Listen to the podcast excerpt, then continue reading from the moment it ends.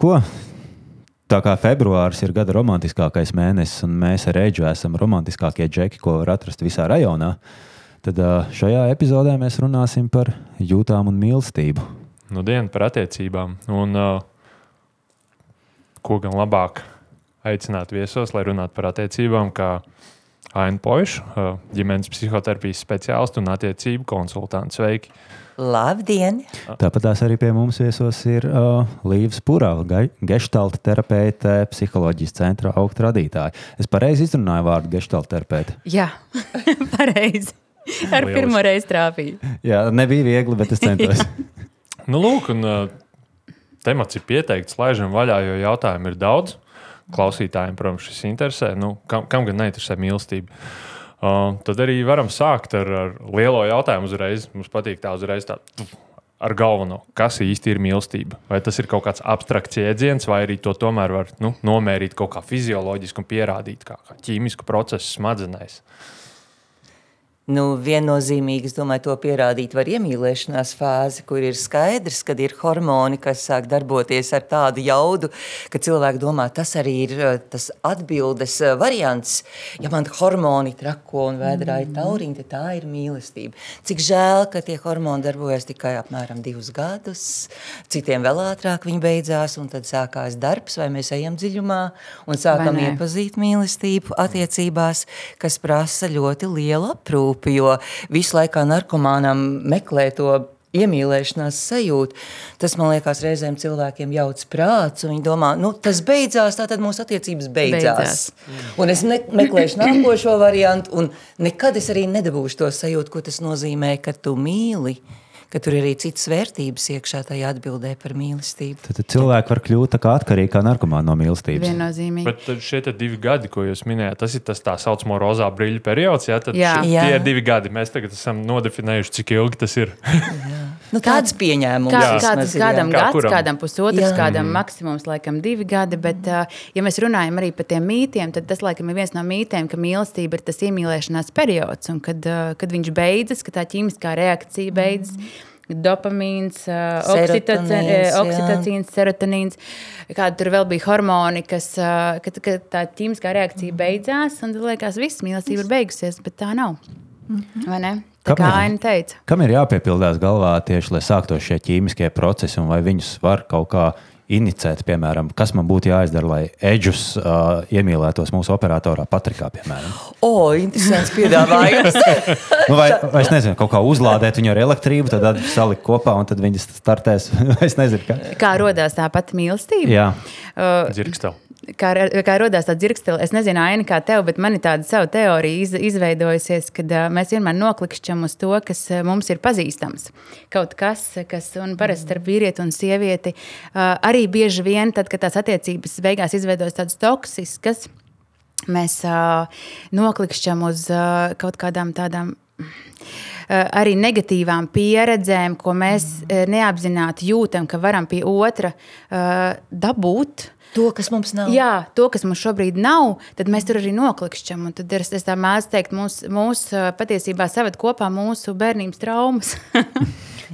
Šis klausītājiem droši vien nepatīk. Tas ne, nav atbilstoši tik... rozā krāsai. Jā, bet eh, tajā pašā laikā, nu, tā, tā diemžēl ir realitāte. Tā ir realitāte. Un, un ja, piemēram, es satieku vīrieti, kurš ir eh, emocionāli ļoti distants cilvēks, un ja manā bērnībā ir bijis tēvs, kuram es ne īpaši esmu interesējusi, mm. Tad man liekas, oh, wow, tā ir mājas sajūta, es šo pazīstu.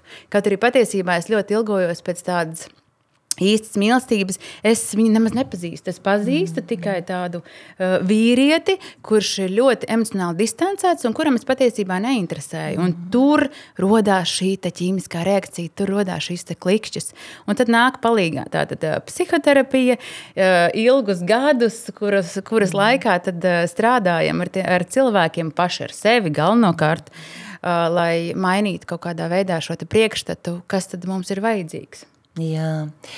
Es atcerējos vienu sarunu ar vienu jaunu vīrieti, kuram bija tas pirmais variants, ka viņš jutās piesaistīts pie sievietes, ka viņam ir kaislība, dedzība, tā dzirkstele, ka viņš viņu iekāro, viņam ļoti viņa patīk. Un viņš bija pieredzējis kaut kādus gadus, nu, tādā veidā arī dzīvot. Un tad viņš satiek pēkšņi vienu sievieti, viņš dzīvo ar viņu kopā, un vienā brīdī nu, tas jautājums, ko jūs uzdevāt, e, man vairs nav tāda kaislība pret viņu, jo es viņu redzu no rīta līdz vakaram dažādās formās, mm. nevienmēr skaistu, nevienmēr nu, uz randiņa ejot, vai, jo viņi necenšas vairs izlikties labāk, kā viņi ir. Es saku, ko man darīt? Vai man tagad mm. iet atpakaļ pie sava vecā? Modeļa, mm -hmm. kad es meklēju tikai caur iekāru un caur tādu patikšanu, vai es varu to priekškaru saprast kā prologu, tas, kā mēs runājam, un tā īstā ludziņa sākās tad, kad apzināta otra cilvēka pieņemšana. Tā saruna bija ļoti interesanta. Tas ir apzināti skaties uz otru cilvēku, apzināti un mēģini viņā saskatīt to skaisto, Tā kā koncentrējoties uz to, vai novērtēt to labo, ko viņš iegulda no savas puses, un uzdod jautājumu sev, ko tu ieguldi no savas puses. Teikt, Tāda tā luga ir. Saku, jā, tā luga ir vairākos cēlienos ar dažādām krīzēm, kāpumiem un kritumiem. Un nu, nevis, dzīve. Un nevis uh, visu laiku uzdot to jautājumu, vai tas otrs ir gana labs priekš manis, bet uh, vai es esmu gana labs partneris tam otram cilvēkam. Jo mēs, uh, man liekas, mūsdienās tik daudz mēdzam skatīties uz to otru kā uz tādu objektu, kurš, kuru vērtējam, vai viņš būs gan labs, jā. vai, es, vai viņš manī darīs laimīgu. laimīgu. Jā, jā, bet tajā pašā pašā laikā, vai es esmu gan labs, vai es būšu gan labs partneris tam otram cilvēkam. Un šitien, man liekas, ka šajā vietā mēs varam sākt runāt par mīlestību vispār. Kad eh, tā ir tāda, man liekas, apzināta izvēle, ko mēs uh, apzināti katru dienu veicam, kaut kādas darbības, lai šo mīlestību kultivētu un uzturētu. Tad, uh, jā, mums jau ir šāds jautājums, bija plānā tālāk uzdot šo jautājumu var teikt, tiešām, kā attiecības un mīlestība ir darbs. Jā, tas nu, nenāk tāpat vienu, to nevar uztvert kā pašsaprotamu. Jā, tā ir. Es atcerējos vēl vienu piemēru, jo es domāju, tie piemēri arī ir tādi saprotami no dzīves. Uh, šonadēļ nāks gaisā viens uh, uh, televīzijas šovs, kas saucās Mīlas nometne, piekdiena pirmā sērija kur pāri bija izvēlējušies ņemt dalību, lai restartētu savas attiecības, jo viņam jau bija stāsts. Un man liekas, tas ir labs piedāvājums cilvēkiem, kas meklē briedumu nu, šajā jūtas sfērā, un var arī atzīt to, par ko mēs runājam, kad rutīna nozog un romantika kaut kur paliek pēdējā vietā, vai tā apzināta nu, apkopšana no nu, tām jūtām. Un tad bija viens uzdevums, kur producenti izdomāja, ka uz, tiksim, uz laiku, lai viņi skatās viens otram acīs, kurš ilgāk izturēs. Man likās, oh, varētu piešķirt saturu, ar acīm mēs arī varam raidīt enerģiju. Un tas ir daudz dziļāks uzdevums, ko var arī praktizēt mājās. Nevienmēr mums ir jārunā, bet tā kā jūs, mēs sēžam tā konfrontējošā situācijā, ja mēs ilgstoši skatītos acīs, tas ir diezgan liels stress. Mm. Un ja mums ir jāieliek uzdevums, es gribu saskatīt tevī detaļas, ja? es gribu raidīt to došanas funkciju, nevis patērēt tev A, kāpēc tu nedari to, vai kāpēc tu man nedod šito? Ka tas būtu tas apusējais darbs. Un kādreiz ir tādi konkrēti instrumenti, ko mēs piedāvājam cilvēkiem. Nu, praktizējiet, lai tā nav tāda mistika. Darbs, tas jau izklausās smagi, vai ne? Darbs. Nu, jā. Un saka, nu vai nu ir, vai nu nav. Nu, kāds darbs? Darbs ja man iedod lāpstu, es izroku grāvi. Nu, ko tad attiecībās, lai es roku, ja? Bet, piemēram, šitāds uzdevums, ka mēs sēžam līdzās un kaut kā mm. noankurojam fiziski viens otru, vai trenējam to acu kontaktu ar kaut kādu domu, ka es tev ar acīm glāstu, apmīļoju vai sūtu pateicību. Vārdu ir šausmīgi daudz šajā pasaulē. Mēs jau arī tagad spēlējamies ar vārdiem, vai ne? Mm. Bet redz, kā līva. Es pilnīgi tā kā instinktīvi man gribējās tā kā noankurot, lai pārbaudītu, vai mēs esam uz viena viļņa. ja mēs esam noteikti, noteikti. Un te man nāk atkal mans. Uh, oh. Mēs neesam. Jūs neesat uz vienu viļņu. Mēs esam uz vienu viļņu, bet Ne tik ļoti. Ne tik ļoti. okay. ne tik ļoti. Nekas, pēc tam mēs iedosim jums instrumentus vairākus, kurus varat praktizēt. Bet uh, te man nāk arī tāds uh, piemērs paš, man pašai personīgi no savas dzīves. Mēs ar vīru, tātad es ne tikai šo praktizēju ar klientiem, bet mēs praktizējam arī savā starpā ar vīru. Un, un, ļoti, ļoti daudz, un arī ar to dalāmies eh, patiesībā.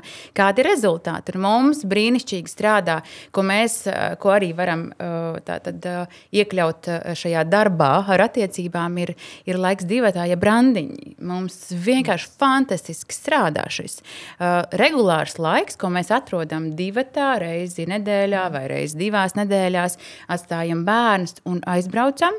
Es nezinu, vai nu uz nakti projām, brīnišķīgi, brīnišķīgi mēnešus starp citu sanāk.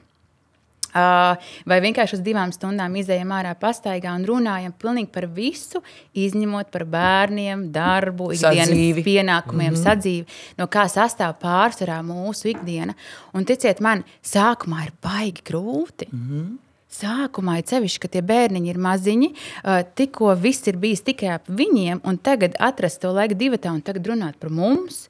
Tas ir, tas no, ir ļoti nē, tas ir nērti, tas ir mulsinoši. Mm -hmm. Tas liekas, kā tagad. Es atceros, ka mēs pirmos randiņus, manuprāt, vispār izgājām ārā no kafejnīcas sastrīdējušies, jo tā spriedze ir tik milzīga. Liela, ka vienkārši viņai kaut kur jānāk ārā, un viss mēs vairs to nedarīsim.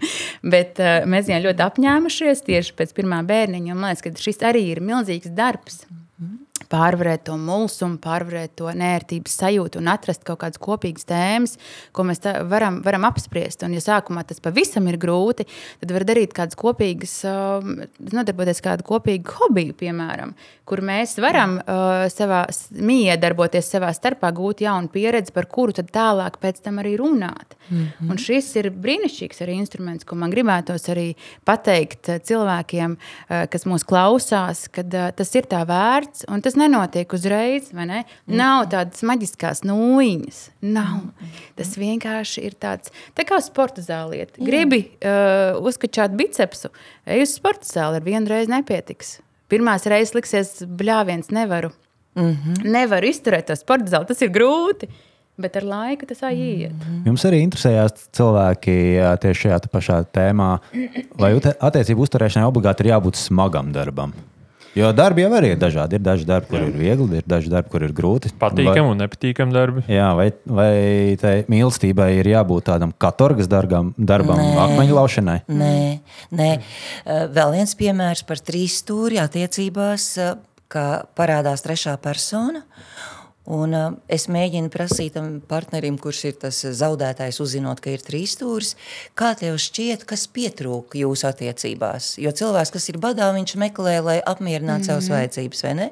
Mm -hmm. Viņi padomā, ka viegluma pietrūka. Mēs kļuvām mm -hmm. pārāk nopietni un pārāk svarīgi, nu, norūpējušies, noraizējušies. Jā, Un tad tas kārdinājums ārpusē, kur ir tas vieglums, jo tas mums ļauj mm. justies, ka tā dzīve ir panesama, ir reizēm grūtāk brīži, un tad mēs mazliet vairāk piestrādājam, bet tā pamat filozofija, tā kā baletā, ir ļoti smagi jāstrādā, lai panāktu vieglumu. Kādreiz cilvēkiem ir jāmaina savu dzīves uzskati, ka tu neesi paviegls cilvēks, ja tu dzīvē māki atrast kā smagas lietas, ielikt tādā mērcē, ka viņas ir gremojams, kas tev neiedzen grīdā tā, ka tev liekas viss, vakars uz ezera, man ir jābēg prom, man ir jāmeklē kaut kas jauns. Nu, es esmu zaudējis vai zaudējusi šī spēlē, nu, kas ir attiecības. Tā ir spēle. Nu, kādas mēs piespēles dodam vai ne? Mēs kaut ko piespēlējam, mums piespēlē atpakaļ. Vai tas radās kā smags darbs? Es domāju, no tā nogurst. Um, jā, tad jābēg, jā, ja, ja tas darbs ir smags. Pirmā sajūta jau ir, tad jābēg. Tas ir instinktīvi, vai ne? Vai nu tu cīnies, vai nu tu beidz. Tas, par ko mēs runājam, ka ir radošāks pieejas, un tam ir izdomāti instrumenti, mm -hmm. kā aprūpēt tās attiecības bez lāpstas, bet ar regularitāti un tādu nopietnu attieksmi. Mm -hmm. Jā, nopietna attieksme, tāda nodošanās laikam, kad, uh, ja mēs tiešām ieplānojam to laiku divatā, tad mēs abi ļoti atbildīgi arī pret viņu izturamies. Mm -hmm. Ka nav tā, ka pēkšņi man piezvanīs kāds un es teikšu, klavu atceļam. Jā, jā, jā. kad es, es prioritāte. Es, jā, tā ir prioritāte. Tā ir mana prioritāte. Ja es skatos uz mēnesi, tad es redzu, kur trīs, uh, trīs dienas mums ir ieplānotas, kur mēs divi tā pavadām. Mm. Un viss nekas nedrīkstētu to um, nojaukt. Tieši nozakt, tā, nozakt, tieši tā. Jo tas otrs, man, manuprāt, arī uzreiz jūtās daudz. Uh, netik nozīmīgs. Ne? Un, un mums jau visiem gribās justies nozīmīgiem tajās attiecībās. Mēs gribam tam otram būt patiesībā tajā pirmajā vietā. Diemžēl. Ļoti, ļoti. pieņemti, mīlēti. cik ļoti mēs spējam kontrolēt procesus, kurā nu, mums kāds iepatīks, vai mēs iemīlamies, un vai to var pagriezt arī pretējā virzienā. Nu, mēs izšķiramies, un tagad mēs ritīgi apzināti mēģināsim panākt tā, lai mums tas cilvēks vairs nepatīk, un mēs viņu pat neieredzam. Varbūt. Cik nu, tas ir mūsu kontrolē? Jā, es zinu, ka vieglāk ir izšķirties, ja ir ļoti liels dusmas. Jā, tā ir ļoti daudz enerģijas. Mm -hmm. Mm -hmm. Bet tas nekad uh, nav ar tādu pozitīvu perspektīvu, kad mm -hmm. dusmās pieņem tādas nopietnas lēmumus. Tā kā jebkurš konflikts, ja viņš ir lielās dusmās, tad tur neko konstruktīvu nevar atrast. Es domāju, tās dusmas varbūt ir signāls, labs, ka mm. mēs atgriežamies pie savām vajadzībām. Nu, kas mm -hmm. nav piepildīts vienmēr, ja? tad novelkam stopkrānu, lai tās dusmas mazliet atstāja pārliecību, ka tev ir tiesības runāt par to, kas tev pietrūkst Ka tu vari normālā formā arī pateikt tam otram cilvēkam, kurš nevar ielīst manā galvā, es vēlētos. Nu, Man tas būtu ļoti svarīgi, ja tu man panāktu pretī konkrētā jautājumā, jo es ticu, ka tas uzlabos mūsu kopā būšanu. Jā. Jo izšķiroties lielās dusmās, nu, es kādreiz to varbūt izmantot, ka tu šaubies uz priekšu, uz apakaļ. Uz, un mm. tad ir sievietes, kas saka, es tagad uztaisīju melno sarakstu, jo es zinu, ka es pieņemu lēmumu, ka tās attiecības ir jāpārtrauc, kurā es piefiksēju, jo man ātri aizmirstās. Es mm. piefiksēju tajā melnajā sarakstā visu to, kas man izraisa dusmas, lai es palieku konsekventi savā lēmumā. Interesanti, vai ne? Jā, noteikti. Dusmas nav tas labākais uh, brīdis, kad uh, pieņemt lēmumus, pilnībā piekrītot ja vaina. Un, uh, manuprāt, kad man kādreiz uzdod jautājumu, kad, kad tiešām attiecības ir beigušās, tad man šķiet, ka tad, kad ir iestājusies vienaldzība. Uh, tad, kad uh, tas otrs man vairs neaiz, neizraisa ne dusmas, ne aizvainojumu, ne uh, nu, sāpes, varbūt noteikti par kādu pagātnes uh, kopīgo pieredzi, ir, bet uh, nav vairs emociju. Bet, ja emocijas vēl ir un ļoti spēcīgas, un naids un dusmas, tad visticamāk tur ir jā, šīs vajadzības kliedz. Nu, kā, dzirdi mani, jā, dzirdi mani, redzi, es tevi sav, savādāk, es tevi saplosīšu. Un, un, un, bet tas pāriet, jā, un tad tas melnais sargs pēc tam vairs nestrādā. Bet cik ļoti mēs paši kontrolējam tos procesus, kuros mums kāds iepatīks vai neiepatīks? Jā, nu. Vai tas ir vairāk tāds, nu, tie hormoni nostrādā vai nenostrādā, bet vai mēs varam arī to kā, nu, paši kaut kā inicēt, lai, mm -hmm. lai mums tas kāds cilvēks nu, iepatiktos? Pieņemsim, Jānim ļoti iepatīks. O, Režisors Patriks, jā, jā. Un, bet viņš saprot, ka tas nav koleģiāli. Tas nav koleģiāli darba vietā. Nē, nevajadzētu. Nevajadzētu ne, jaukt ne. darbu ar privāto jā. dzīvi. Un vai Jānis var ar savu gribas spēku vienkārši, nē, man tomēr nepatīk. Man liekas, ka, eh, nu, manuprāt, tas, lai, tas man šķiet, eh, cik daudz es to spēju varbūt kontrolēt, uh, ir, ir briedums. Uh, ja es saprotu, ka šīs attiecības uh, galīgi nebūs vietā, tad es saprotu to, ka ar tādu savu psiholoģisko briedumu es spēju pieņemt lēmumu, ka es nerīkošos šajā situācijā. Un ar laiku, tas, ar, ar laiku man šķiet, ka tas noklusīs. Bet, jo, jo es vairāk ļaujos šai savai reakcijai, savām emocijām, jo man grūtāk viņas ir kontrolēt, un, grūt, un tajā brīdī, kad emocijas pārņem, tad es varu sastrādāt dažādas, eh, dažādas lietas arī un saveidot dažādas attiecības, kuras eh, galīgi nenāks ne man par labu, ne, ne, ne, ne, ne tam otram.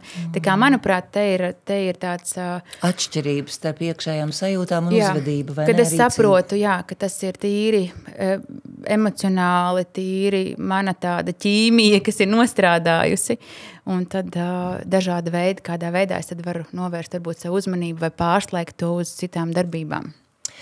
Taču man liekas, ka tāda seksualitāte dzīva un veselīga, viņa pieļauj to, ka tev ir tiesības jāizrauties, iemīlēties, jo tad tu jūties dzīvs, jūs simpātijas pret kādu cilvēku, jo tur ir kaut kāda brīvība, vai ne? Jo, ja tu esi kopā ar kādu, tas ir arī risks veidot ļoti atkarīgas attiecības, nu, kas balstās uz kaut kādām bailēm zaudēt. Mm. Nu, pārāk liela un spēcīga pieķeršanās dēļ traumām vai dēļ kaut kādas sliktas pieredzes un tam līdzīgi. Bet uh, akceptē to savu iekšējo brīvību, ka tu redzi tik daudz kārdinājumu un ir patīkami arī darba situācijā pateikt komplimentu pretējam dzimumam, pareizi, mm. jo tās ir tik foršas enerģijas, kas mūs uzlādē, bet tur ir tā robeža, ka tu zini, ar kādām mm. likmēm tu spēlē. Tu izvērtē kontekstu, ja? tu izvērtē mm. konkrēto abu cilvēku, nu, atklātība, ka to arī ir pateikt, tu man patīc, vai tu man simpatizē, nu varbūt izrādīt vairāk uzmanības, bet kurš ir tas brīdis, kad tu nebaros sevi un otru cilvēku arī lūzījām, ka nu pat te kaut kas ies ne tur, kur tam ir jāiet. Jo ir kaut kādas pamatvērtības, vai ne? Tas ir tas, par ko jā, tu runā. Jā, tieši tā. Vai ir iespējama mīlestība no pirmā skatiena? Tiešām 5 sekundes un ir un viss. Es domāju, ka ir. Ja? Tas ir tas, ko Līta teica. Tā ir tā jā. maģija. Jā. Kad tu pēkšņi sajūti to pievilkšanās spēku tik spēcīgi, Mhm. tāpēc, ka tas ir pazīstams, tur ir kaut kāda zemapziņas plūsmas, kas liek, šis cilvēks ir tavējais. Un tam turēties pretī, nu, nav Es, es, es, es esmu tas piemērs. Ja? Es esmu tas piemērs. Es ieraudzīju pirmajā sekundē, saku, vai nu mans mīļākais, vai vīrs. Vai ne? Jā. Un man nebija ne jausmas, kāda tā otra cilvēka, ne reakcija, ne domas, neko, bet bija, bet bija tā sajūta. Jā. Jā. Un Cik liels risks ir šādos gadījumos nošaut greizi? Nu, kāpēc tam sanāk šausmīgi vilties? Jā. Vai neaiziet, vai aiziet auzās? Jā. Ja tas tāds nu, baigās spontanitāte tam visam. Man, man tā, es tāds parasti piezīmēts, es savos lēmumos. un Man patīk. Piecas reizes izmērīt Mērīt. un tad skatīties. Jā. Jā. Un man liekas, ja kaut kas notiek tā uzreiz, tad nu, jā, uzmanās. Mm. jau buks aiziet? Jā. Risks ir vienmēr. Mm. Jebkurā gadījumā, kur mēs skatāmies, vai uz to maģiju, ir risks, ka tas var beigties. Tas, par ko mēs jau izrunājām, vai ne? Mm. Jo ir tā idealizācija, bez kuras nekas nevar notikt. Lai savilktos cilvēku kopā, tad ir visas tās kaislīgās lietas un, un fantāzijas, un tu uzbūri tādu sapņu pili. Nu, tas vienkārši tā ir paredzēts, lai tu zinātu, ka tas tā ir. Uh, ir risks arī pieņemt to lēmumu.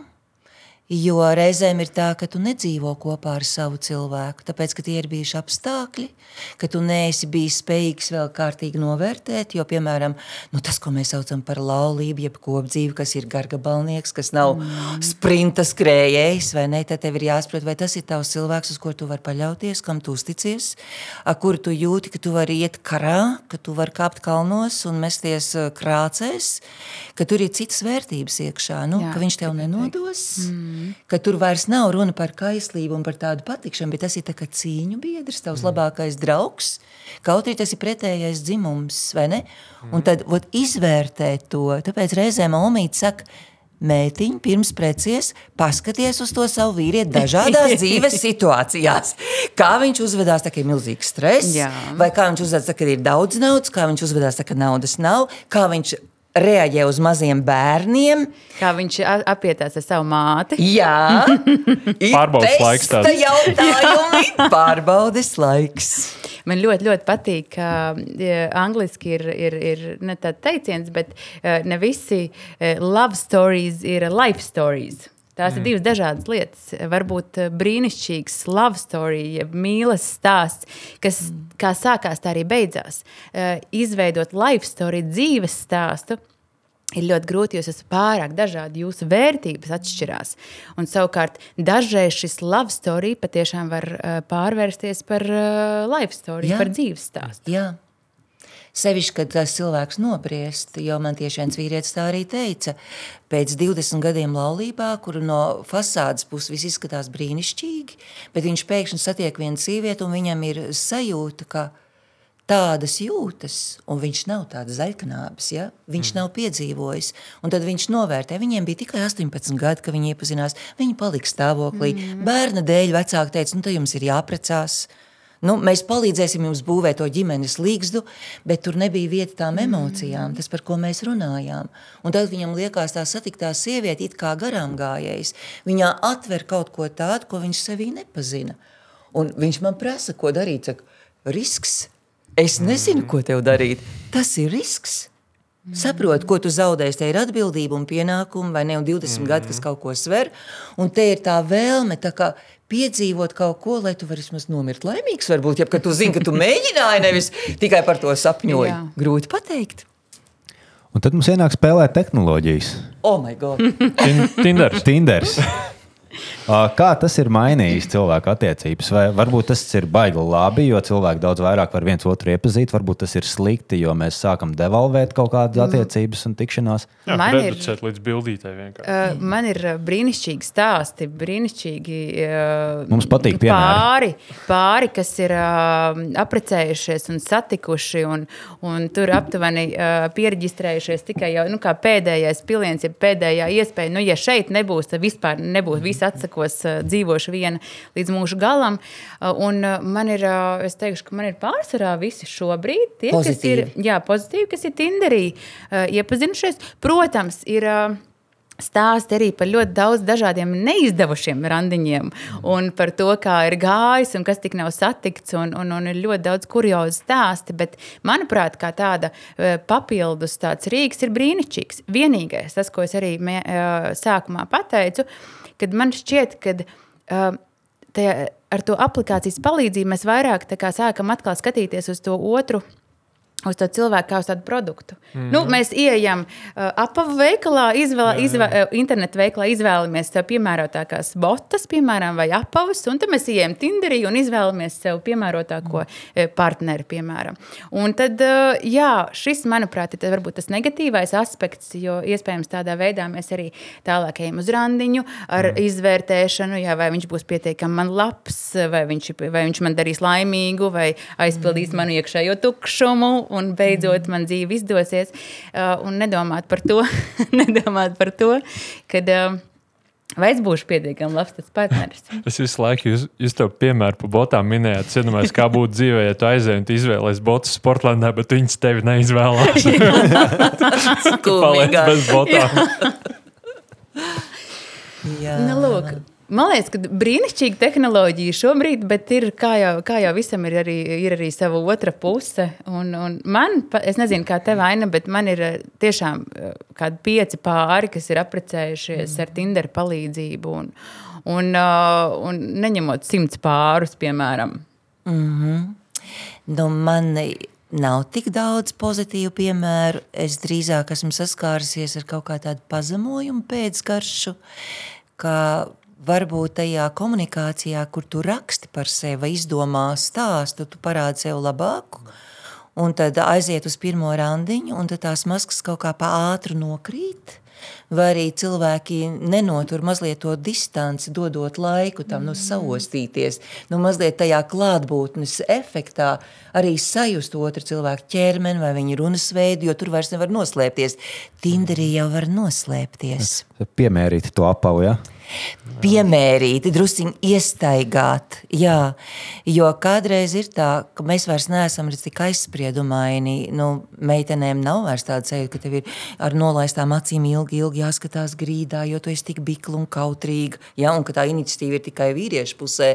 Es domāju, tagad arī sievietēm ir iniciatīva, ka viņas reizēm pārāk agri varbūt aiziet, nesaprastams, ka viņas patiesībā grib attiecības, bet viņas aiziet uz ātro seksu un piedzīvo to pēcgaršu, ka tu jūties pazemota un izmantota. Un tad tā Jā. atbildība jau jāsadala uz diviem cilvēkiem, vai ne? Tad tā ir arī tāda savā ziņā vērtīga, sāpīga mācību stunda. Ievalkāt kurpes mazliet, un tā kā saprast, ir manas vai nē, saglabāt kaut kādu prasīgumu un tās kritērijas, ka tu cieni sevi, arī dzan, mm. tu izturies pieklājīgi pret otru cilvēku, Bet mazliet iet tajā procesā tā kā lēnāk, jo mēs jau tā dzīvojam tik ātri, tik ātri, ka attiecībās man liekas, vajag mazliet lēnāk, legāto, legāto. Un te ir tas, tā, tas skats uz otru kā uz tādu produktu. Nedara man metu ārā, ņem Jā, nākošo. nākošo. Un mm te savukārt, kā tu saki, lēnām ieskatīties, jo bieži vien cilvēki nodarbojas ar seksu, pirms tam vispār uzzina, uzzina viens otru vārdus. Un, un, un tas ir tāds, tāds iz, izmantot, izmest, izmantot, izmest. Un, un, um, mm -hmm. Jā. Un tad beigās sanāk, jā, ka tām botu, kur jau ir 30 reizes mērīta, viņi nonāk nu, Jā. tajā humpo plauktā, kur vairs neviens neskatās. Tāds risks arī pastāv, pastāv šajā ātrajā datingā. Jā? Jā, jā. Uh, bet man šķiet, ka te noteikti arī ir ļoti atkarīgs tā, cik liela ir tā pašvērtība tam mm. cilvēkam.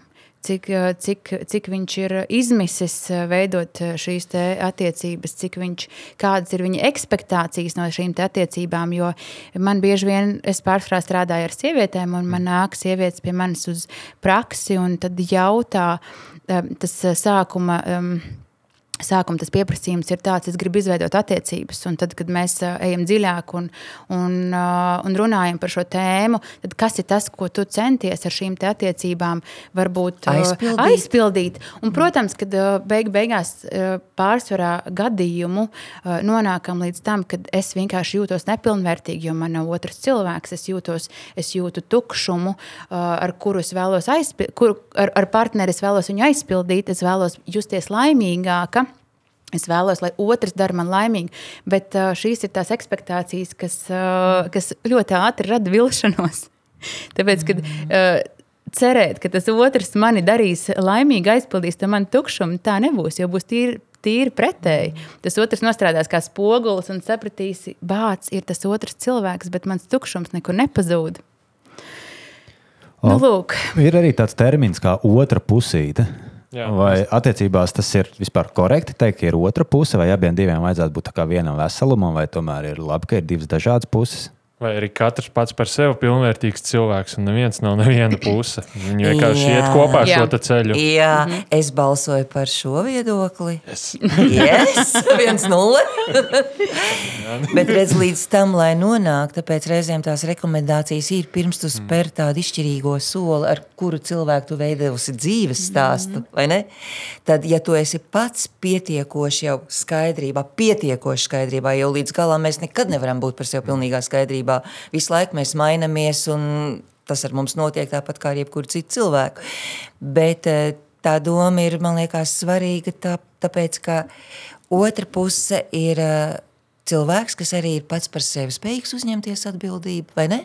Mhm. Ka viņi var būt tik atklāti un arī parādīt savus iekšējos putnus, mhm. ka viņi nav ideāli, un tā kā neslēpties aiz tā, ka cilvēciskas būtnes, vai ne, saka, mēs varam kopā augt, bet es uzņemos atbildību par saviem putniem, bet tu lūdzu par savējiem. un tad mēs sintezējam kaut kā to pozitīvāko mm. vairāk, lai tā proporcija ir, kad mums ir interese iet uz priekšu, negaidot kaut kādus ideālos variantus. Jo tās atšķirības ir tās, kas arī ir risks, kas parādās, un no tām var nobīties. Un teikt, oh, Pirmos piecus gadus es nezināju, ka viņam ir šī tāda īpašība, kas tas ir, ko ar to tagad lai dara. Un noķert to savu cilvēku sajūtu, es domāju, tas ir tiešām drīzāk jautājums par kopīgām vērtībām, mm -hmm. par tādu spēju veidot kopīgu pieredzi un nedzīvot uh, idealizētā pasaulē, bet dzīvot realitātē un attīstīt savas iemaņas, kā mēs kā komanda nu, tiekam ar tām grūtībām galā. Un tad man liekas, nostiprinās tā sajūta, mans cilvēks. Nevis tā iemīlēšanās, oh, mans liktenīgais vīrietis. Nu, nevaru pateikt, nē. Es izgriezīšu tikai šo daļu. Sarunājuši. Jā, Klau, kā tur ir ar tiem pretpoliem? Vai tie tiešām pievelks, un vai tas ilgtermiņā var strādāt, vai tas ir tikai tāds īstermiņa uh, scenārijs?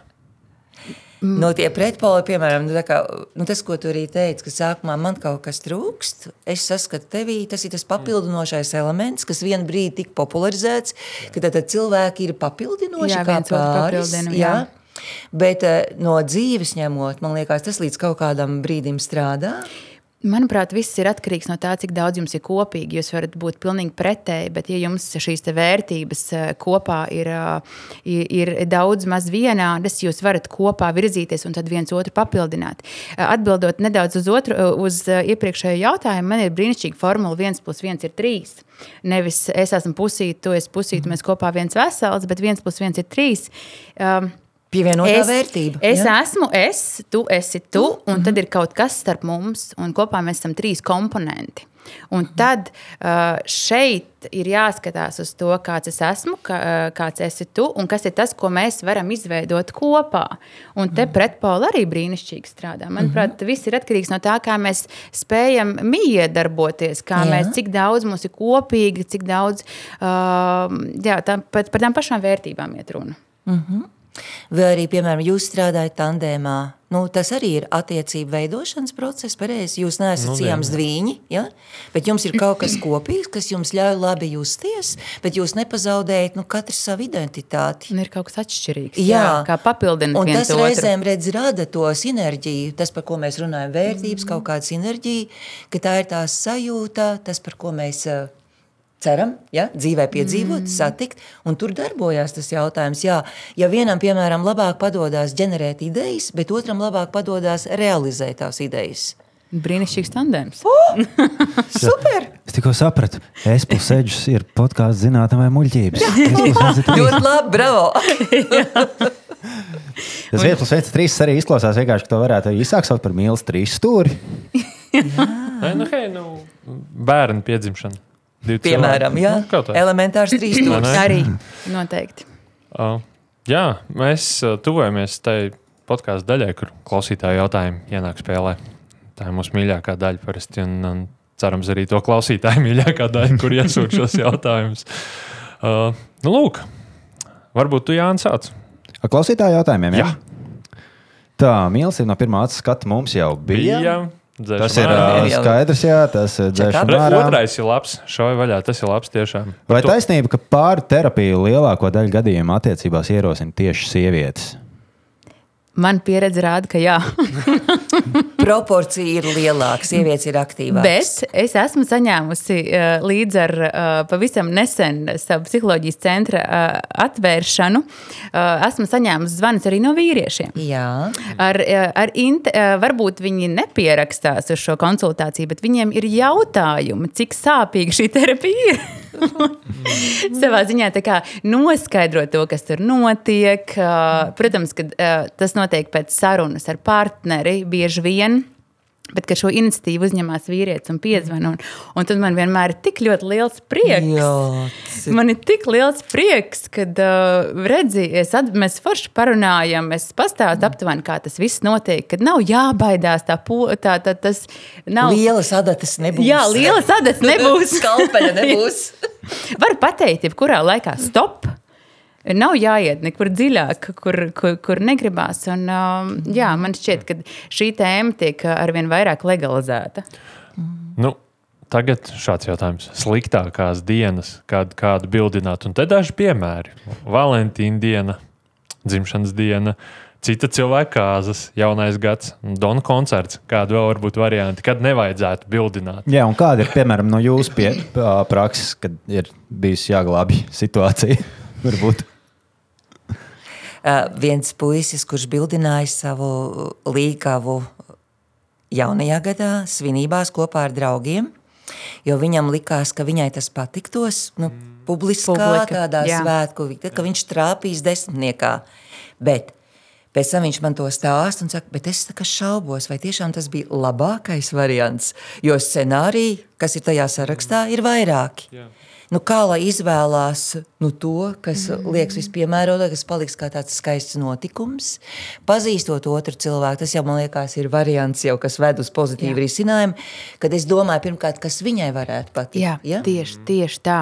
Kad ja, uh, cilvēks, nu, piemēram, sieviete ir introverta, viņa noteikti uh, Negribēs negribēs publisku. publisku Jā. uzmanību uz sevi. un Tas viņai vairāk radīs negatīvas emocijas, kaunu, nērtību un vēlēšanos noslēpties. Un līdz ar to tā reakcija, ja, arī- lai arī viņi ļoti gribētu šo puisi precēt, var būt pilnīgi pretēji. Un tas puisis savukārt nolasa to, ka viņi nemaz negrib šo mm. soli spērt. Līdz ar to te ir, jā, te ir jautājums vairāk nevis eh, par vispārīgām uh, vietām vai laikiem, standartiņiem, jā, jā. Kad, kad nevajadzētu, bet vairāk kā, kā tev liekas, kā, šis, kā tas otrs cilvēks, kā viņš gribētu. Varbūt ir varbūt ļoti ekstraverti cilvēki, kuriem ļoti patīk uzmanība, un tad viņam, es nezinu, uz skatuves pie Dona uzkāpt un, un bildināt, ir vienkārši fantastiski atcerēsies visu mūžu. Jā. Tas ir viss ļoti, ļoti at, atkarīgi, atkarīgs no tās konkrētā cilvēka.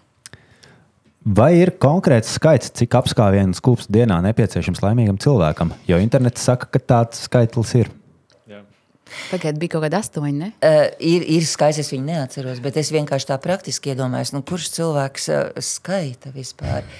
Man liekas, tā ideja kā tāda ir ļoti laba, ka mēs pieskaramies Nu, ka mēs tā kā neaizmirstam. Tas ir tas, ko tu teici, var pieskart, un es teicu par acīm, pieskarties, fiziski pieskarties pareizi. Jā. Piedomāt pie tā, lai viena sieviete man konkrēti teica, viņš man tuvojās, es esmu virtuvē pie izlietnes, mans vīrs, viņas vīrs tuvojās, un es domāju, viņš taču apkams mani. Pienākot man tuvāk. Bet paiet viņ-. Bet viņš pienāk pie uh, auss un man pajautā vienu ļoti sadzīvisku jautājumu.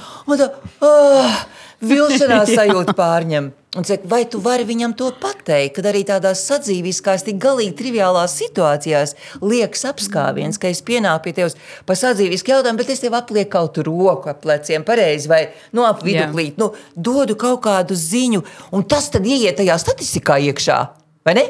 Droši vien. Un tad var domāt, o, oh, mēs šo uzdevumu izpildām, jo mums vajag fizisku kontaktu. Skaidrs, ka mums vajag fizisku kontaktu. Bet ko darīt Citiem ar nē. tiem cilvēkiem, jā, kuri nav raduši pie pieskārieniem? Tas nenozīmē, ka viņiem nav vajadzīgi viņi, bet ir piemēram, tas atkal ir. Uh, Viņi pa gabalu mietu. Uh, Jā, un ir, kuriem patīk šī te distance. Jā. Es nesaku, ka tev nav vajadzīgs. Es domāju, ka Jā. visticamāk, ka tev ir vajadzīgi tie pieskārieni. Vienkārši nav tās pieredzes, ka tie pieskārieni bijuši. Līdz ar to katra Jā. šāda roka, kā es Uzreiz. Jā, uzreiz rada uh, tādu tā, tā kā stresu mobilizāciju, tā, ko tev vajadzēja. Uh, kas, Kas notiek jā, kas vispār, tagad jā. notiek? Lūdzu, paejiet tālāk. Uh, man šis nav komfortabli. Un tad, uh, un tad bieži vien ir, ja pārī ir cilvēks, kuram ir ļoti vajadzīgi pieskārieni, un ir pārī kāds, kuram pieskārieni rada diskomfortu, nu tad. Uh, Tad ir grūti. tad ir grūti. Bet es teikšu, ka nav neiespējami, jo uh, tas cilvēks, uh, es, es, es noteikti ticu tam, ka var pierast pie pieskārieniem. Viņus vajag tikai komfortablās dozās un aptuveni just, cik tuvu šobrīd vai Mhm, tālu pieļaujamā jā, zona. pieļaujamā zona, cik tev ir komfortabli. Un tad nedaudz vairāk var tuvoties tuvāk, un tad beigās, piemēram, kaut vai uzlikt to roku, un tagad, nu, kā tu jūties? Un varbūt tu pierodi pie tā, mm -hmm. jo es ticu, ka mēs gribam attiecībās, lai arī tas otrs labi justos. Un, ja viņam ir vajadzīgi šie pieskārieni, tad es varu censties mācīties, viņam vairāk iedot. Lai arī sākumā viņi varbūt, varbūt būs tik ļoti mākslīgi. Bet uh, ar laiku, es tam citu varu pierast. Es tev Var. to saku Ok. no, pie, Jā, no es- pieredzes. Tur mēs atgriežamies šajā gadījumā pie tā attiecību veidošanas ar lāpstu. Nu. Uh, kur cilvēki iepazīstas? Bieži vien viņi iepazīstas bāros. Tad ir jautājums, vai iepazīšanās, ka tu esi drusciņā tā kā alkohola reibumā, ir laba ideja, vai tas jau ir uzreiz kā ar nepareizo kāju no gultas izkāpt, ieiet attiecībās. Jo ir, ir, ir pāri, kur tieši tā ir sākušas savas attiecības. Kas jums par to sakāms? Tas ir kā nepareizs starts tam visam, vai vajadzētu ar skaidru galvu labāk to darīt? Ja jautājuma formulējums ir, vai tā ir laba ideja, man viņa patīk. Nu, man automātiski radās šī te doma, ka, ja es eju meklēt attiecības uh, bārā, Bārā? tad visticamāk, ka tās ir vairāk love story, nevis life story. Jā. Okay. Jā. Ļoti, ļoti ā, labi atbildēt. Jā. Ja izdodas to pārvērst tajā live story, nu, Jā, tad mēs Nē, nu, tad tas, ir, tas, ir, bet- tas ir wow, bet, Jā, jā, bet... bet- parasti tas ir vienkārši love story, kas ir ļoti īss un, un, un, un tā. Īs un spilgts jā, varbūt. jā, īss un spilgts, un ar to arī viss beidzas. Kā pareizi tikt vaļā no toksiskām attiecībām? Ai, no šito mēs šī redzējumā visu neizrunāsim. Šitā Mēs varam trīs soļu tēma. plānu ātrā iedot. Es jā. pateikšu, psihoterapija individuālā, uh, vismaz uh, pāris gadu garumā, lai apzinātos uh, šo situāciju, kurā vispār cilvēks atrodas. Jo ļoti bieži cilvēks nesaprot, ka viņš atrodas toksiskās attiecībās. Mm. Viņš tikai saprot, ka viņam kaut kas nav ok, uh, kad viņš ir nelaimīgs, viņam ir grūti. Es runāju varbūt ne par tādām attiecībām, kur ir fiziska vardarbība, bet kur varbūt ir tāda emocionāla vardarbība. Un, un, jo fiziska vardarbība ir viegli atpazīt, emocionāli ir daudz grūtāk. Un, ja, piemēram, es nāku no šādas te, bērnības pieredzes, kur šo emocionālo vardarbību, emocionāla vardarbība ir bijusi norma, līdz ar to es satieku tieši tādu pašu, piemēram, partneri, un man saprast, ka tas nav ok, ir ļoti, ļoti grūti paiet ilgs laiks. Ja tomēr es esmu nonākusi līdz solim, kad došos uz uh, psihoterapiju, tad paiet vēl laiks, jo tas, ko, tas, tas kā es strādāju, uh, es uh, pasaku cilvēkam, tas nav ok, un viņš ar lielām acīm uz mani skatās, kā tas nav ok. Mhm. Es saku, tas nav ok. Šajā, šajā vietā es vienkārši paņemtu un uzspridzinātu. Ja pret mani tā izturās, vai es tā, tā es, tas, tas vienkārši nav pieļaujami. Un tad tas cilvēks vienkārši skatās uz manu reakciju kon- konkrētā situācijā un, un sāk saprast, ka tas nav ok. Bet ļoti bieži Uh, atkal aizjūt mājās, iet atpakaļ tajās vecajās sliedēs, kad, uh, kad bet es esmu tā dzīvojis, kā dzīvot savādāk. Mm. Nav jau arī skaidrs, kā, kas tad ir ok, kā tad ir citādāk. Tāpēc, manuprāt, tas ir ļoti ilgs darbs. Tas ir ļoti liels darbs, jo es domāju, tad, kad tev ir pirmkārt jāatzīst, ka tu esi jau upura domāšanā iestrēdzis, un tev ir jāatzīst, ka tas deformē dzīves uztveri, tas ir ļoti smagi, ka tev parāda kā cilvēks eh, šādu spoguli, kas ir realitātes apjaušana, un tā Jā. kā lēnām rāpties ārā no tā nolieguma, jo ja tev liekas, ka norma, nu, tad tu dzīvo ar to izjūtu, ka priekš tevis tā ir norma. Un kā cilvēks pēkšņi tev ņem no to aizsardzību, neuzņemties atbildību, individuāli tas, par ko mēs runājam, mm. kad katrs pats var, varētu dzīvot lielākā komfortā, neidealizējot, mm. bet tai pašā laikā rūpējoties, lai tu jūties ok, ka tu neesi pelnījis, lai tevi pazemo. Bet, ja tās ir vardarbīgas attiecības ģimenē, es taisnu šodien runāju ar vienu četru bērnu mammu kurai ārpusē viņa saka, mēs esam savā pilsētā ideālākā ģimene. Viņš vēl ieņem zināmu amatu, man viņš ir jāpiesedz. Bet viņam ir ļoti despotisks raksturs, jo viņš visus šos gadus principā man gan sit, gan emocionāli noniecina, pazemo. Un tas ir milzīgs kauns vispār Jā. atzīt to. Tas Jā. ir viens, ir tas, ka es saprotu, ka tas nav ok, bet aiziet vēl pie kāda cilvēka un pateikt, klau, es dzīvoju, un ne jau gadu šādās attiecībās, bet man ir veseli četri bērni. Kāds Jā. kauns ir jāpārdzīvo. Mm -hmm. Tāpēc bieži vien arī tas ir tas, kas notur, neaiziet un neko nerisināt un turpināt ciest. Mm -hmm. Vai ir taisnība, ka sievietes mīl ar ausīm? Um? Patīkami, bet ne tikai. Jā. Katram kā mīlestības valodu. Kā Jā, jā, par mīlestības valodām. Mm. Mums vispār bija arī jautājums par cik mīlestības varo- valodām. Vai tā piecām. Pieteikti Jā. zina savas valodas. Jā. Kur ir tā tā ir pirmā, īsti? kur ir tā pirmā, pirmā vietā? Darbi Es, noteikti. es pat nezinu. Darbi, Es dāvanas. Es tiešām neesmu. Kādas ir tās piecas Jā, mīlestības jūs valodas? varētu, mums ir angliski, jūs varētu latviešu Latviski? definēt. Jā, mēs kādas slikti ir. pa angliski. Nē, Jā, labi. labi. Bija pieskārieni, uh, vārdi, uh, dāvanas, Kvalitatīvs darbi laiks. un laiks. Jā. Piecas. Jā, perfekti. Lasīju to grāmatu, kas tikko bija latviešu valodā iznākusi pusauģu gados. Un tad ir uh, cilvēki, kuriem ir kaut kādas uh, no šīm valodām lielāka prioritāte, un kaut kādas mazāk. Ir tādi, kuriem vajag visas piecas, lai viņi justos mīlēti. Nu, nav tā robeža varbūt tik strikta, jo viņas arī pārklājās, bet tas ir viens no sarunu tematiem, par ko, piemēram, pastaigājoties ar savu partneri, varētu noskaidrot, kas ir tas, kas tev liek justies mīlētam. Ja, piemēram, man viena sieviete saka, es jūtos nemīlēt, jo mans vīrs divus gadus nedzird, ka es viņam lūdzu salabot izlietnē tekošo krānu, izmest ārā kaut kādu veco tur kumodi, nu, kaut kādas piecas vai četras opcijas bija. Mm -hmm. Es saku, es jūtos nemīlēt.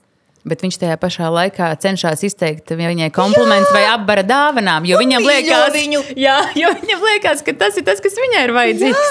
Un prasa, kas tev vēl trūkst? Jā, Kāpēc Jā, jā. priecīga? Kāpēc, un kāpēc tu nenovērtē to, ko es daru? Mm. Mēs taču brauksim uz Turciju pēc mēneša. Jā, un es taču tik smagi strādāju, lai sa sakrātu šo te naudu, un tu atkal mani nenovērtē, tu tikai kritizē.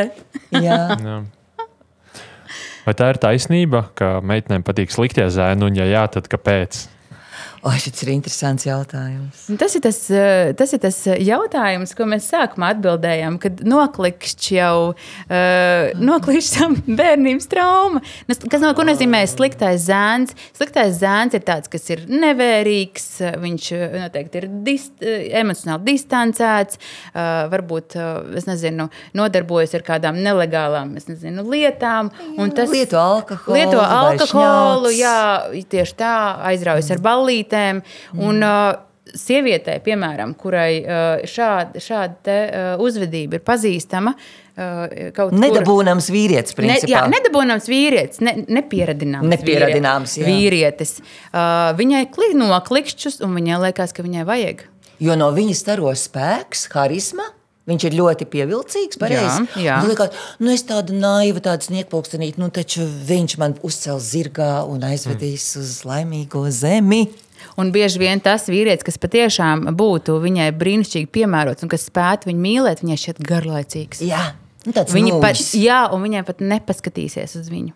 Mm. -hmm. Tas ir, es kā, es kā reiz nesen vienai klientei teicu, tu saproti, ka uh, tas viss, ko tu radi, tā, tās visas emocijas un tie amerikāņu kalniņi, tev vienkārši ir pierasti. Patiesībā tādas foršas, veselīgas partnerattiecības ir ļoti Mierīgas. mierīgas.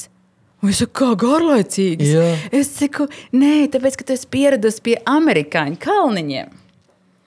Patiesībā viņas ir mierīgas, un tur nav pēkšņi tāda ļoti spēcīga emocija, ka tas tagad tev pamatu, vai tagad tu mani mīli vai nemīli. Un, un, Drāma! drā, jā, nav drāmas. Nu, skaidrs. Vai var, ar vienu Es domu dzirdēju vilšanos tavā, vai ne? vilšanos tavā balsī. Dzirdēju? Nē, nav aktuāli. Jā, ja vai ne? Jā, es paliek ar vienu domu. Mēs aktīvāki, domīgāki. Kur tavs gradzens palika? viņam, viņam ir problēma ar to. Viņam bieži vien krīt no laulības gradzens uz grīdas. vienkārši. Viņš ir vienkārši nesen apritējies, man gradzens ir pa liels. un jau neesmu- es Ja tu esmu- vienkārši esi notievējis, varbūt. Varbūt. Tāda ir tā laulība dzīve. Nu, Te jautājums, vai var atkārtot iemīlēties cilvēkā, kurā jau esi bijis iemīlējies? Pēc pieredzes, jā. Tas tie, bet vēlreiz ar visiem hormoniem un ar Jā. no rozā brīļu periodu. Jā, un es tev pateikšu, kad pēc pārterapijas. Pēc pārter. Mm. Pēc, pēc, pēc ilgstošākas pārterapijas. Fantastiski vienkārši. Tāpēc es noteikti esmu staigājuši reklāmu pārterapijai, vispār psihoterapijai, jo man liekas, brīnišķīgi var uzlabot sev dzīvi. Un, protams, nu, nu, nu. Man tagad ir jautājums, runājat, jūs runājat par to rozā brīļu periodu, tiem hormoniem, tā kā tādu uh, atkarību raisošu posmu. Varbūt tad uh, pārterapija arī. jo Viņi kā grib visu laiku paildzināt to rozā brīļu periodu, tad mēs bišķi sastrīdamies, aizjām uz terapiju, tad mums atkal divi forši gadi ar hormoniem, kurš šaudās. Nē, nē, es. Um, te- Pārterapija viennozīmīgi nav viegla. Viņa ir tas skaidrs. patiesībā ļoti, uh, ļoti. um, Tur jāsaskarās ar tik daudz dažādām um, emocijām. Man draugs bieži vien saka, kāpēc tu neteici, ka viņa ir tik smaga? Nu, es esmu aizsūtījis pārterapiju. Tu taču visu laiku saki, ka viņa ir forša.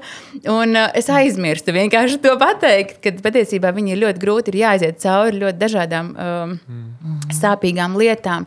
Bet tajā brīdī, tad, kad jūs izējat cauri kaut kādai varbūt tādai krīzei, un uh, kopā kā komanda iznākat ārā, ir tāda eifórijas sajūta, ir tāda sajūta, ka jūs esat tuvāk viens otram un nekad dzīvē neesat tik tuvu bijuši. Un, un es to redzu gan pēc, pēc klientiem, gan arī pati pēc, pēc sevis. Brīnišķīgi. Protams, pēc tam atkal aiziet fāze, kur kur viss nomierinās, kur atkal mēs ieslīgstam tādā rutīnā, un atkal varbūt nāk krīze, kas ir pilnīgi normāli. Vienkārši tas, kad var. Un patiesībā man liekas, ka vajag ainu, vai ne? Man Nu, liekas, ka vajag. ļoti svarīgi ir atkal Šis un bija atkal. brīnišķīgs reklāmas klipiņš pārterapijā, Jā, bet jā. arī maza reklāmas klipiņa, Jā. piemēram, tajā Jā. mīlas nometnē, kur nebija pārterapija, bet bija vienkārši iespēja saukt vārdā grūtības, ar kurām nu, cilvēkiem nav laika ikdienā nodarboties. Viņi konstatē problēmu. Un tad, kad viņi sāk atklāties, nu, piemēram, pēc, viņa saka, viņš ar mani nerunā, viņš ir tāds nerunīgs, es vienīgā runāju un jūtos vientuļi ar to, jo nav tā kā feedback nekāda mm. atpakaļ. Tās nomets ietverā, kad vienkārši nācās parādīt, nu, kā ir, ka tas, kas ir aktīvāks, viņam mazliet ir sava dominanta jāsamazina, jāatstāj vieta tam otram mm. cilvēkam. Un tad, kad viņš jūt, ka viņam iedod vietu, viņš atraisās. Un, uh, braucot mājās, mēs Grūzijā pavadījām trīs nedēļas. Mums Wow. bija tāda veida pasākums, nu, intensīvi. Braucot mājās, viņa teica, es tiešām viņu mīlu vairāk, jo es viņu beidzot iepazīstu. Viņš man sevi nerādīja. Un es saku, bet tu viņam arī neļāvi sevi parādīt, jo tu biji paņēmusi mm -hmm. uz sevi par daudz. Aizpildīja visu ēteru. Jā. Mums pavisam drīz būs Valentīna diena. Mums ir arī daži jautājumi par Valentīna dienu. Patīk, ka viņš to radio balzi zemojas. Zelta līnās paliks rozā, liks vēl rozā filtriņu. tur- Berijas vaids sāk fonā spēlēt. Jā, jā, un tur kāds sirsniņš iemontēsim pa virsmu. Ā, Šis tāds ļoti ā, romantisks jautājums. Kā nejusties depresīvam Valentīna dienā, ja tu esi viens pats? Jā. Nu, man pirmā atbilde ir eh, arī Valentīna dienā. Tu vari teikt, man ir ko mīlēt, kā tajā dziesmā dziedas sniedziņš balts uzsniga. Ja? Ja, ja tev nemīl neviens, tev taču ir ko mīlēt. Tev ir iespēja mīlēt savu dzīvi, tev ir iespēja mīlēt savus draugus, vai savu sunītu, vai kaķīti, lai cik tas banāli neizklausītos. Bet no bankrota sajūtas, kad viss apkārt sirsniņās vien, mm. protams, tas baigo kontrastu rada. Ja? Un tu pēkšņi ieraugi to nepiepildīto daļu, ja? Bet tad tev kā kāds palīdz ieraudzīt. Ne viss ir saistīts ar konkrētu objektu, ne viss ir saistīts vīrietis un sieviete. vai ne? Nu, kā mēs jau te Patriku iesaistījām un tam līdzīgi. Ar mazliet tādu varbūt pašironiju vai plašāku skatu var atbrīvoties no iestrēgšanas tajā. Mani nemīl neviens, bet tev taču ir ko mīlēt. Ir labs atgādinājums Valentīna dienā. Un vēl, man liekas, var, var uh, aiziet randiņā ar sevi.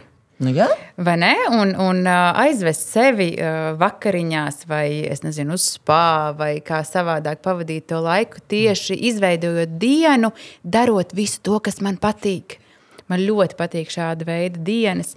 Darīt visu, kas man patīk. Saplānot no rīta līdz vakaram. Es nezinu, brokastis, tādas manas mīļākās.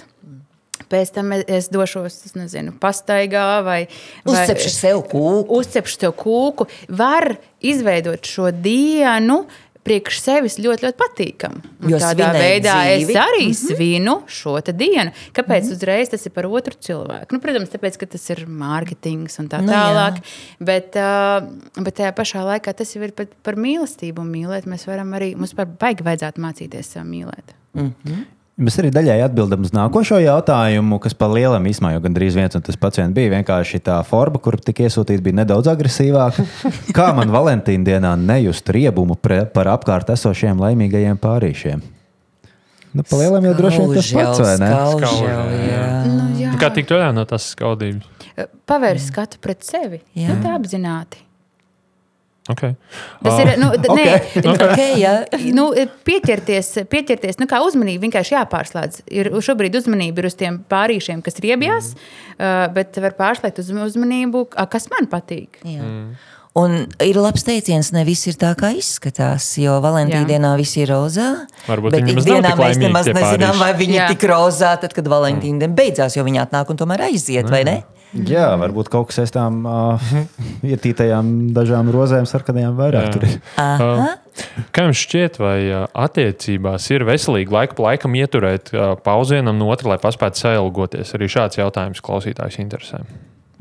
Man ļoti patīk tāds kustīgums, kā tas, ko mēs runājām, ka ir tie divi cilvēki, kas rada kopējo trešo pievienoto vērtību. Un ka tā distancēšanās reizēm ir tā, ka mēs jūtam kustīgumu, ka mēs esam arī autonoms, neatkarīgs būtnes, ka mums ir tiesības uz savu laiku, uz kaut kādām atšķirīgām interesēm, ka mēs neesam sijams dviņas, jau vienreiz šito teicu salīdzinājumu, vai ne? Jā. Un tad, kad mēs esam pārāk cieši, mums sāk pietrūkt elpas. Mums vajag mazliet izkāpt ārā, tā kā ielaist svaigu gaisu, tā kā mēs varētu attaisīt logu, sajust pavasara gaisu par godu Valentīna dienai. Tā arī attiecībās, man liekas, tuvoties un attālināties, lai tas neaiziet pa tālu un lai tas nav pārāk cieši. Tā, man liekas, ir tā ceļa satiksmes noteikuma galvenā daļa, lai tā mašīna turās uz ceļa. Lai viņi neiekrīt nevienā, ne otrā grāvī, ka es bez tevis nevaru, mēs pārtiekam viens no otra. Vai arī, nu, principā, tu tur esi kā tā vecā komo- kumode, nu, labi, tu tur esi. Tas ir pašsaprotami un tas nekad nemainīsies. Nu, tas ir galīgi garām.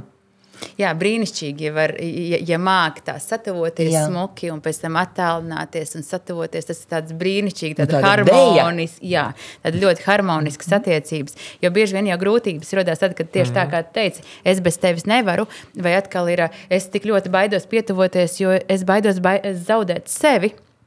Kad ir radās tā, tā, tā distance, un tad nav iespējams sajust šo tuvību.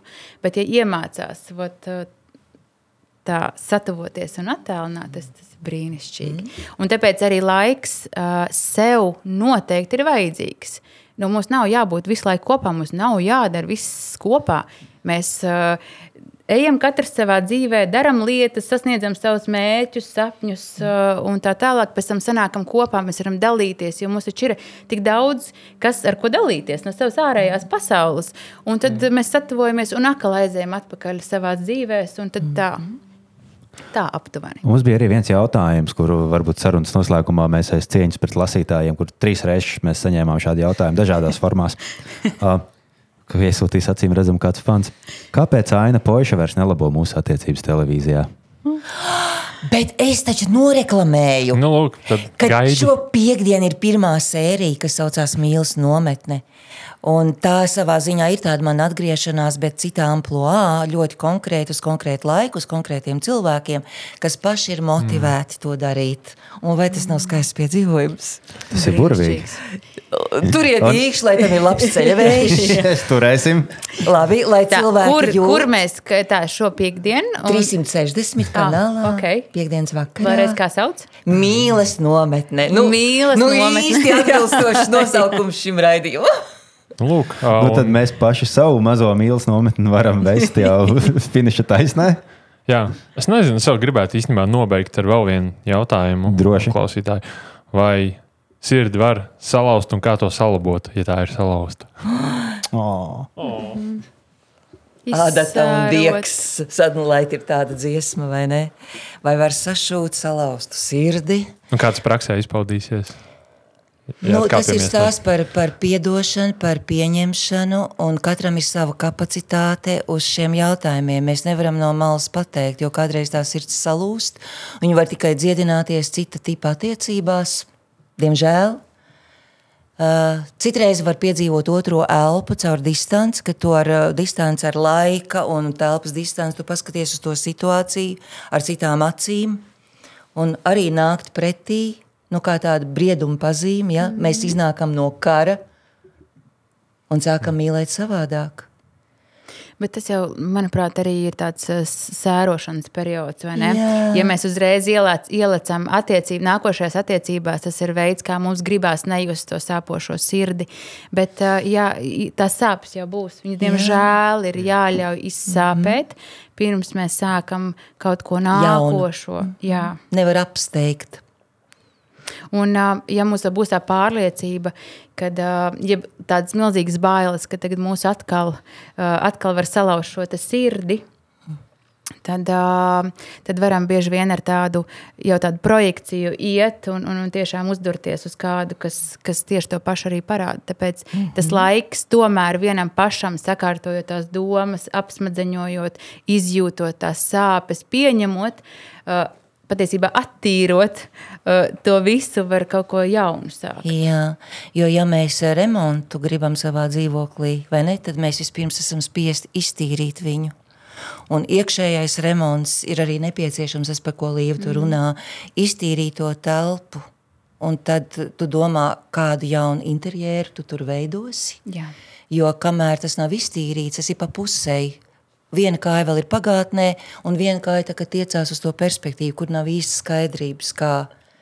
Bet palikt tādiem fatāliem, ko es reizēm satieku cilvēkus, kuriem vienreiz jaunībā ir salauzta sirds, viņi pasaka, nekad vairs. Šito ir ļoti grūti atbalstīt, jo es domāju, tās sāpes mūs padara dziļākus, empātiskākus, un mēs ierakstām sajā, savā dzīvē to piedzīvoto. Tas ir tāpat kā, ja mēs laižam pasaulē bērniņu, tas šausmīgi sāp. Bet pēc šīm sāpēm mēs viņu ļoti, ļoti mīlam. Tad ir tā sajūta par to, ka caur sāpēm var piedzimt kaut kas jauns. Brīnišķīgi. Nu, lūk, Skaisti. Es jau liekam- jūtos labāks cilvēks pēc šī podkāsta. šo, šo liekam aiz auss visiem tiem, kam Valentīna dienā var būt vientulīgi, caur Jā. sāpēm, Vai ne? vai Jā. piedzim kaut kas labāks. Nezvediet randiņā paši sevi. Nu, dien. Jā. Brīnišķīgi. Jā, nu paldies um, mūsu burvīgiem viesiem. Jā. Paldies jums. Turpināsim paldies, droši vien par mīlestību arī nākošajā sezonā, jo tik daudz kas palika vēl arī. Jā. Mums uh, Droši. pēdējās epizodēs ir tāda problēma. Jā. Jautājumi ir Tik daudz. tik daudz mm -hmm. laika. Ir. Jā. Bet, ja jūs mīlat savu darbu, tad jūs zināt, ka vienmēr idejas atnāk. Tieši tā. Jo, Podkāsts Zinātnē vai muļķības ir tapis ar Mēdīju atbalsta fonda līdzfinansējumu.